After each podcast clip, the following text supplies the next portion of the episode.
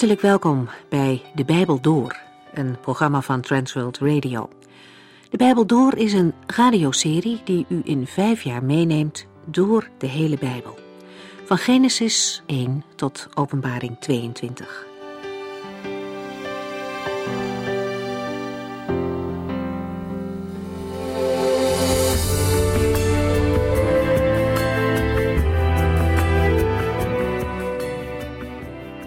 Vandaag is het laatste hoofdstuk van 1 Samuel aan de beurt. En omdat de geschiedenis doorloopt in het tweede boek, lezen we ook alvast het eerste hoofdstuk daarvan. Eerst nog even terug naar de vorige keer. David woonde al een hele tijd bij de Filistijnen. Moe van het steeds weer moeten vluchten voor Saul, had David met enkele honderden volgelingen zijn toevlucht bij de Filistijnen gezocht. Hij had een goede naam opgebouwd bij koning Agis. Nu staan de Filistijnen op het punt om Israël aan te vallen. De Heere komt tussen beiden en leidt het zo dat David niet mee hoeft in de strijd tegen zijn eigen volk. De Filistijnse leiders zijn erop tegen dat hij met hem mee optrekt in het leger en gaan erover in discussie met koning Agis. Die wil David niet kwijt, maar heeft geen andere keus. Hij komt bij David met de boodschap dat hij vertrekken moet. Dat is niet leuk om te horen, maar achteraf is deze tegenslag juist winst geworden voor David, want zo komt hij niet tussen de partijen in te staan. David keert terug naar Ziklag en als hij daar aankomt, blijkt dat de Amalekieten de stad verbrand hebben en dat alle vrouwen en kinderen meegenomen zijn. Het verdriet is groot en ook de boosheid. Men wil David zelf stenigen. Hij zit gigantisch in het nauw. En wat doet David? Hij gaat naar de Here, naar zijn God. David is door grote moeilijkheden gegaan in zijn leven, maar keer op keer kiest hij ervoor om op God te vertrouwen. Hij zoekt zijn hulp bij de enige die kan helpen. Op het woord van God gaat hij de strijd met de Amalekieten aan en overwint hen. Alles en iedereen komt terug en meer dan dat. David deelt de buit ook met degenen die niet meegingen in de strijd omdat ze te moe waren. Hij erkent daarmee dat de overwinning niet aan hem te danken is, maar aan God. Het was geen eigen verdienste en dus is de buit ook voor de achterblijvers. David zendt ook een deel van de buit aan zijn vrienden in Juda.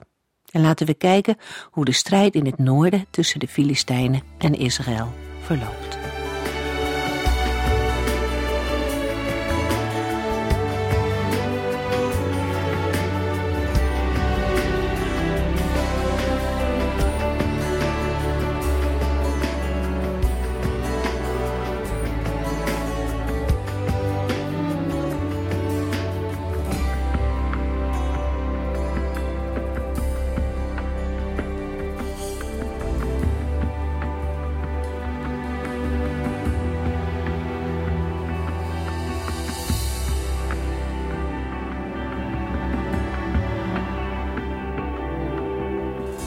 Zijn bij het laatste hoofdstuk van 1 Samuel gekomen. De Filistijnen vechten tegen Israël. David is niet bij die strijd betrokken. De Heere bewaarde hem ervoor. Omdat de Filistijnen er niet op vertrouwden dat hij met hem mee zou vechten, was hij naar Siklag teruggekeerd. Daar trof hij een leeggeplunderde en verbrande stad aan. Ook de vrouwen en kinderen waren weggevoerd. Terwijl David en zijn mannen de Amalekieten achtervolgen, vluchten de Israëlieten voor de Filistijnen. Ze worden verslagen omdat ze ongehoorzaam zijn geweest aan de Heere. De Heere was voor Israël in zwijgen gehuld. We hebben het gezien toen de Filistijnen tegen Saul optrokken. Saul wilde de Heere vragen, maar de Heere zweeg. Toen greep Saul naar een middel wat de Heere uitdrukkelijk had verboden. Saul ging naar een waarzegster in Endor. Wat toen al bekend werd gemaakt, gebeurde nu. Het hele Israëlitische leger werd verslagen. 1 Samuel 31, vers 1 tot en met 3. Inmiddels hadden de Filistijnen de strijd aangebonden met Israël. De Israëlitische troepen sloegen op de vlucht en in het gebergte Gilboa vielen vele doden. De Filistijnen zaten Sal op de hielen en doodden zijn zonen Jonathan, Abinadab en Malkisua Toen Saul door een groep boogschutters werd ingehaald, werd hij vreselijk bang. De Filistijnen halen Saul en zijn zonen in en doden drie van zijn zonen. De strijd is hevig en boogschutters vinden ook Saul. En Saul wordt bang vanwege de schutters. 1 Samuel 31 vers 4 Hij zei tegen zijn wapenknecht, dood mij met je zwaard, voordat deze heidense Filistijnen mij gevangen nemen en martelen om de spot met mij te drijven. Maar zijn wapenknecht durfde niet.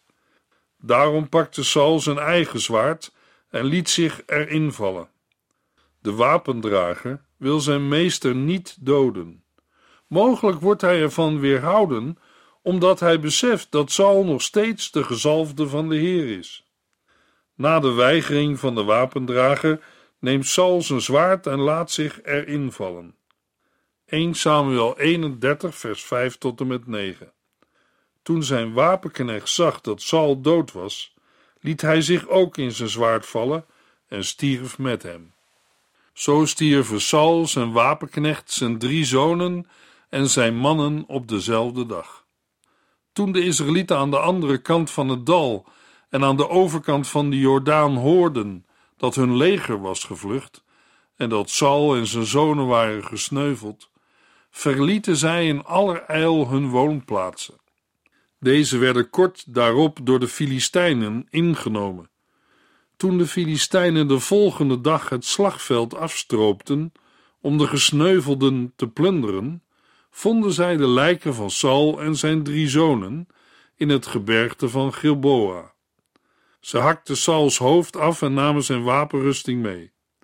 Deze trofeeën stuurden zij naar de tempels van hun afgoden en alle inwoners van hun land. Als de wapendrager ziet dat Saul een einde aan zijn leven heeft gemaakt, laat hij zich ook in zijn zwaard vallen. De slachting op die dag is groot. Saul, zijn drie zonen, zijn wapendrager en veel van zijn mannen sterven. De Israëlieten aan de overkant van de Jordaan en aan de overkant van het dal van Jezreel vernemen het nieuws over de smadelijke nederlaag. Ze horen dat het leger op de vlucht is en dat de koning en zijn zonen dood zijn. Daarop verlaten zij hun steden en vluchten weg. Vervolgens bezetten de Filistijnen de steden. Tijdens de plunderingen van de volgende dag vinden de Filistijnen Saul en zijn zonen. Er vinden lugubere dingen plaats. De Filistijnen vernederen Saul, zijn hoofd en wapenrusting worden als trofeeën naar de tempels en door het hele land gestuurd. 1 Samuel 31, vers 10 tot en met 13. Zijn wapenrusting kreeg een plaats in de tempel van Astarte. Zijn lichaam werd aan de muur van Betsan gehangen. De inwoners van Jabes in Gilead hoorden echter wat de Filistijnen hadden gedaan en stuurden al hun soldaten op pad. Ze liepen de hele nacht door en kwamen bij Betsan. Daar haalden ze de lichamen van Saul en zijn drie zonen van de muur. Ze brachten de lijken naar Jabes en verbrandden ze daar.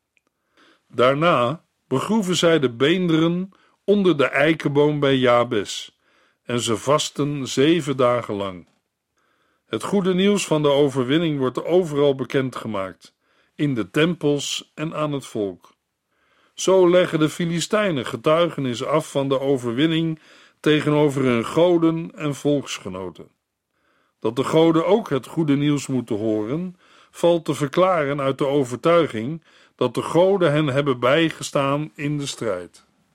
De bewoners van Jabes in Gilead krijgen te horen wat de Filistijnen met Saul hebben gedaan. Deze mensen hebben een speciale band met Saul, omdat hij hen van de vrede koning Nagas van Ammon heeft bevrijd. De weerbare mannen besluiten Sauls lichaam van de muur te halen. Ze lopen s'nachts naar Betsan en verwijderen de lichamen van Saul en zijn zonen van de muur. Ze nemen de lichamen mee naar Jabes en verbranden ze daar grotendeels.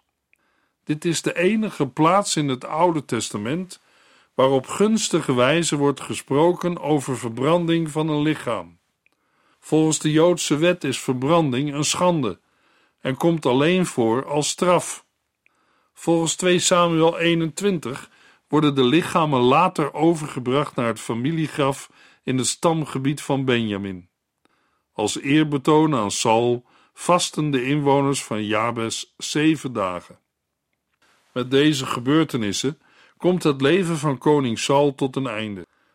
Hij was gezalfd en heeft in zijn leven Gods hulp mogen ervaren. In de loop van de tijd zondigde hij steeds meer tegen Gods geboden. De reeks van zonden eindigde in het raadplegen van een spiritistisch medium. Vanwege deze overtredingen doodde de Heer hem.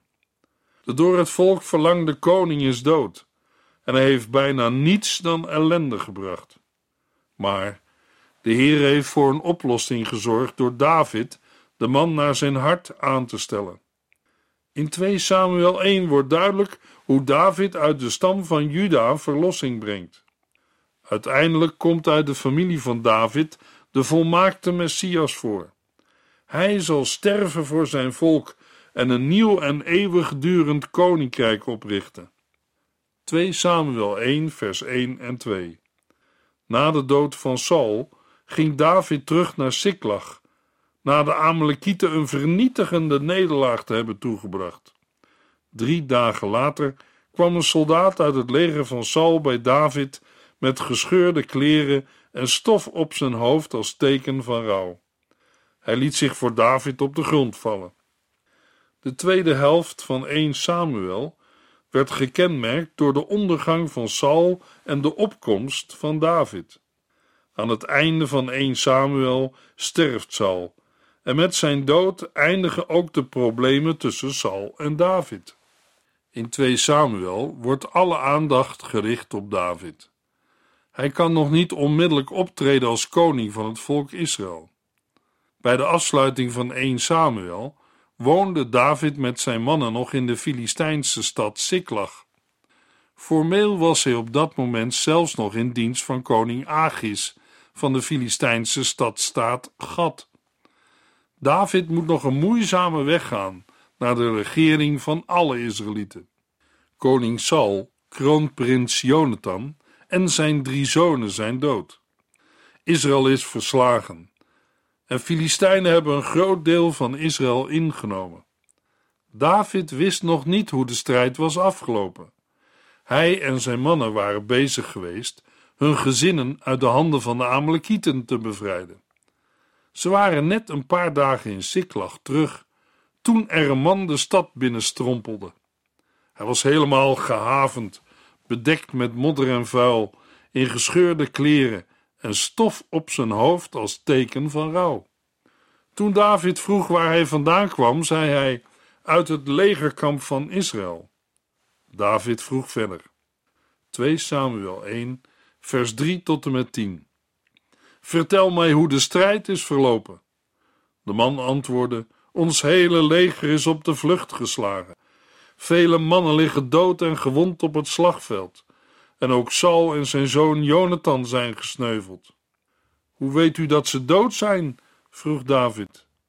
Omdat ik toevallig op de berg Gilboa was en zag hoe Saul zich in zijn speer stortte, terwijl de vijandelijke strijdwagens hem insloten. Toen hij mij zag, riep hij dat ik naar hem toe moest komen. Wie bent u? vroeg hij. Een Amalekiet, antwoordde ik. Vooruit, verlos mij uit mijn lijden, smeekte hij, want ik lijd vreselijke pijn. Maar de dood wil niet komen. Daarom dood ik hem, want ik wist dat hij toch zou sterven. Daarna pakte ik zijn kroon en een van zijn armbanden om die naar u te brengen. Als David hoort van de dood van de koning en de kroonprins, vraagt hij de man hoe hij aan zijn informatie is gekomen. De man doet nauwkeurig verslag over de dood van Saul en Jonathan. Hij vertelt dat hij toevallig in de buurt was in het gebergte van Gilboa, waar hij Saul aantrof die leunde op zijn speer. Mogelijk deed hij dat omdat hij gewond was. Filistijnse ruiters en strijdwagens zaten Saul op de hielen. De vermelding van de ruiters en wagenmenners die op Saul aandrongen, wijkt af van de in 1 Samuel 31 genoemde boogschutters. Het verschil is vermoedelijk te verklaren uit het feit dat het verslag van de man verzonnen is. Het is ook mogelijk dat beide verslagen niet alle facetten belichten. Het is ook goed mogelijk dat de boogschutters op de strijdwagens hebben gestaan. Verder maakt de man melding van een gesprek tussen hem en Saul. Het is opvallend dat de boodschapper afkomstig is uit het volk waarmee Israël een permanente vijandschap heeft. De Amalekiet vertelt dat Saul vroeg hem te doden. De boodschapper vertelt David dat hij gehoor heeft gegeven aan het verzoek van Saul en hem heeft gedood. Na zijn nederlaag zou Saul toch sterven. Als bewijs van de dood van Saul laat de Amalekiet David de diadeem en de armband van Saul zien. Hij had deze tekenen van koninklijke waardigheid meegenomen en gaf ze aan David. Als we het verhaal van de man overzien, wordt het duidelijk dat de Amalekiet iemand is die op de hoogte moet zijn geweest van Sauls wens om gedood te worden. Het is ook duidelijk dat hij verzint dat Saul aan hem heeft gevraagd of hij hem wilde doden. In werkelijkheid vraagt Saul dat aan zijn wapendrager. Die weigert, waarna Saul zichzelf doodde. Wat zal er dan in werkelijkheid zijn gebeurd? De Amalekiet, die soldaat bij de Israëlieten was, zal in de buurt van Saul zijn geweest toen deze een eind aan zijn leven maakte.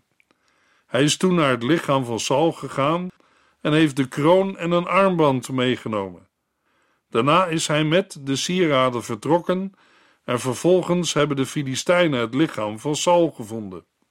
Als de Amalekiet is aangekomen bij David, verzint de man dat hij Saul heeft gedood en schenkt de tekenen van Sauls koninklijke waardigheid aan David.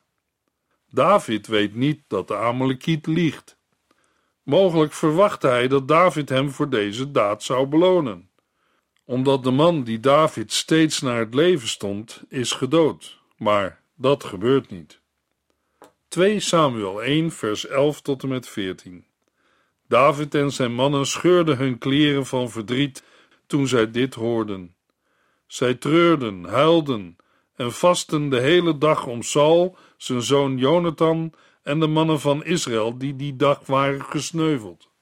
Toen zei David tegen de jonge man die het nieuws had gebracht: Waar komt u vandaan? En hij antwoordde: Ik ben een Amalekiet. Waarom hebt u niet geweigerd de koning te doden? Hij was immers een gezalfde van de Heere, wilde David weten. Hoewel David en zijn mannen op dat moment leven in het gebied van de Filistijnen, laten ze met hun rouw toch zien dat ze zich verbonden weten met de Israëlieten. Wat gaat David nu tegen de boodschapper zeggen? Die verwacht waardering van David, maar hij merkt dat Davids reactie anders is. David vraagt wie hij is, en dat was al eerder aan de orde gekomen, maar hier gaat het meer over zijn afkomst. Hij blijkt een zoon van een inwonende vreemdeling uit Amalek te zijn. David vraagt hem waarom hij de gezalfde van de Heer heeft gedood. Het was zeker niet toegestaan aan iemand uit de Amalekieten, een aardsvijand van de Israëlieten, om dit oordeel te voltrekken. De jonge man heeft met zijn verklaring zijn doodvonnis getekend. David straft hem door aan een van zijn mannen opdracht te geven hem te doden. Net als David had de boodschapper het oordeel over Saul aan de Here moeten overlaten, ongeacht of hij nu de waarheid heeft gesproken of niet. 2 Samuel 1, vers 15 en 16. Direct daarop beval hij een van zijn jonge mannen: dood hem. Deze deed dat. Dat is uw verdiende loon, zei David, want u zei zelf dat u de door God gezalfde koning hebt gedood. Het oordeel wordt hier niet geveld op grond van een uitspraak van anderen, maar op basis van wat de man zelf heeft gezegd. David heeft eerbied voor Saul als gezalfde van de Heere. Hij laat het oordeel over Saul aan de Heer over. Daarnaast bestraft hij degene die het recht in eigen hand meent te moeten nemen. Aan de andere kant is het treffend om te zien dat de Amalekiet tekenen van koninklijke waardigheid overhandigt aan David. Ongeweten symboliseert hij daarmee Davids toekomstige kroning. 2 Samuel 1, vers 17 en 18. En David schreef een klaaglied voor Saul en Jonathan, waarna hij opdracht gaf dat het aan alle mensen in Juda moest worden geleerd. De tekst hiervan is opgenomen in het boek van de oprechte. Na het vernemen van de droeve boodschap schrijft David een klaaglied over Saul en Jonathan. Hij geeft opdracht dat alle mensen in Juda het lied moeten leren. Uit de Hebreeuwse grondtekst wordt duidelijk dat David het lied boog noemt. Het lied is ook opgenomen in het boek van de oprechte, een van de boeken uit het oude Israël die helaas verloren zijn gegaan. 2 Samuel 1 vers 19 tot en met 21 Och Israël, uw trots en vreugde, liggen levenloos op de heuvels. Machtige helden zijn gevallen. Vertel het niet aan de Filistijnen, want het zou hun plezier doen. Verberg het voor de steden Gad en Askelon, zodat de heidense volken geen leedvermaak zullen hebben. O bergen van Gilboa, laat geen regen of dauw meer op u vallen, en laat de graanoogst niet meer rijpen op uw hellingen want de machtige Sal is op die plaats gedood. Het schild van Gods uitverkoren koning is daar weggeworpen. David wijst Israël erop dat zijn trots en vreugde of sieraad op de heuvels doorboord is. Het woord trots of sieraad is hier een aanduiding voor Saul en Jonathan. Daarna roept hij uit dat de helden zijn gevallen. Vervolgens gaat David in op de Filistijnen, de vijanden van Israël. Hij roept de Israëlieten op het nieuws van de dood van Saul en Jonathan niet te vertellen. Niet in Gad en maak het niet bekend op de bazars van Askelon. Gad en Askelon zijn twee van de vijf steden van de Filistijnen en vormen vanuit Siklag de meest nabije en de meest verafgelegen Filistijnse stad. Het zijn de Filistijnen geweest die de Israëlieten voortdurend in hun voortbestaan hebben bedreigd en Israël nu een verpletterende slag hebben toegebracht. Het nieuws van de dood van Saul en Jonathan mag niet worden bekendgemaakt, opdat de vijanden zich niet over hun dood zullen verheugen. Dan spreekt David tot de bergen van Gilboa, het gebied waar Saul en Jonathan zijn gesneuveld. De bergen in Gilboa worden aangeklaagd. De bergen van Gilboa vormen nu de plaats van een smadelijke nederlaag. Daarom zullen ze een toonbeeld van rouw worden door geen vrucht meer te geven. In de tweede helft van vers 21 geeft David de reden voor zijn aanklacht. Want de machtige Saul is op die plaats gedood. Het schild van Gods uitverkoren koning is daar weggeworpen. De klacht vindt een voortzetting in de beschrijving van de heldhaftige daden van Saul en Jonathan. 2 Samuel 1, vers 22 tot en met 24. Vele vijanden verloren hun leven en helden werden geveld. Jonathans boog en Sauls zwaard misten hun doel nooit. Wat waren ze geliefd en bemind, Saul en Jonathan. Samen leefden zij en samen stierven zij. Zij waren sneller dan arenden en sterker dan leeuwen. Huil nu om Saul, vrouwen van Israël. Hij maakt u rijk met prachtige kleren en gouden sieraden. David doet een uitspraak over de boog van Jonathan en het zwaard van Saul. De beschrijving van Saul en Jonathan staat in verband met de aanklacht tegen Gilboa, waar de helden zijn verslagen en hun lichamen onverzorgd liggen. Het lied vindt zijn climax in een loflied op Saul en Jonathan. Eerst worden ze samen bezongen. David omschrijft hen als beminnelijk en innemend. Gedurende hun leven en in hun sterven werden ze niet gescheiden. Ze waren sneller dan arenden en sterker dan leeuwen. Daarna spreekt David specifiek over Saul. Hij roept de vrouwen van Israël om over hun overleden koning te rouwen. De overleden koning heeft ervoor gezorgd dat zij zich weelderig konden kleden, met prachtige kleren, en zich konden tooien met gouden sieraden. Blijkbaar heeft Saul welvaart gebracht voor het volk. De beschreven rijkdom zal voor een groot deel zijn ontstaan door oorlogsbuit. 2 Samuel 1, vers 25 tot en met 27. Deze moedige helden sneuvelden in het heetst van de strijd. Jonathan stierf in de heuvels. Ik huil om u, mijn broeder Jonathan. Wat hield ik veel van u? Uw liefde voor mij was niet te vergelijken met de liefde van vrouwen. Helaas, onze helden zijn gevallen, beroofd van hun wapens, verloren zij hun leven. Nadat David zo de verdiensten van Saul heeft omschreven, heft hij het refrein van de klaagzang aan. Hij spreekt zijn verdriet uit over het feit dat de helden zijn gevallen in het heetst van de strijd. Het laatste gedeelte van het klaaglied is aan Jonathan gewijd. David beschrijft de bijzondere band die bestond tussen hem en Jonathan. Een diepe vriendschap die dateert van de tijd na het verslaan van Goliath, toen Jonathan David liefkreeg als zichzelf en zij een verbond met elkaar sloten. David omschrijft Jonathan als zijn broeder, een uitdrukking die te maken heeft met de verbondsrelatie tussen hen beiden. De vriendschap die Jonathan David bewees, was wonderlijker dan de liefde van vrouwen.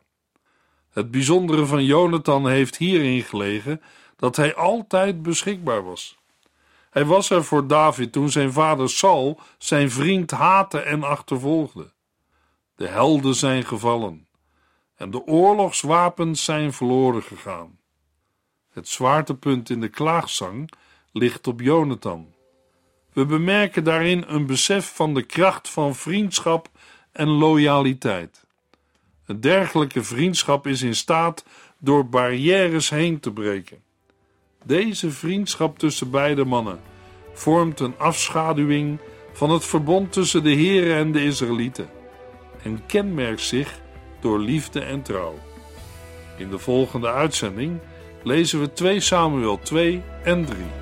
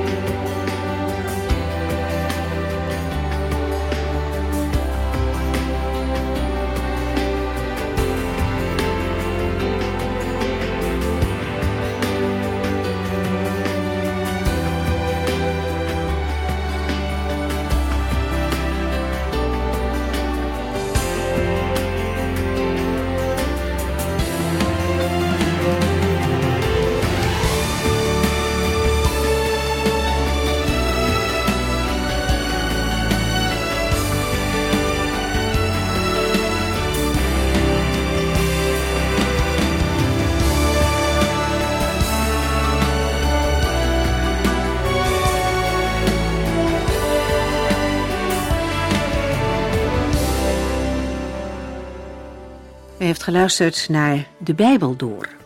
In het Nederlands vertaald en bewerkt door Transworld Radio. Een programma waarin we in vijf jaar tijd de hele Bijbel doorgaan. Als u wilt reageren op deze uitzending of u heeft vragen, dan kunt u contact met ons opnemen. Tijdens kantooruren kunt u bellen op 0342 47 8432. 0342 47 8432. 32.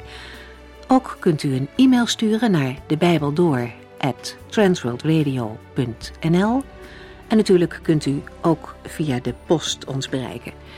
TWR, postbus 371, postcode 3770, AJ in Barneveld.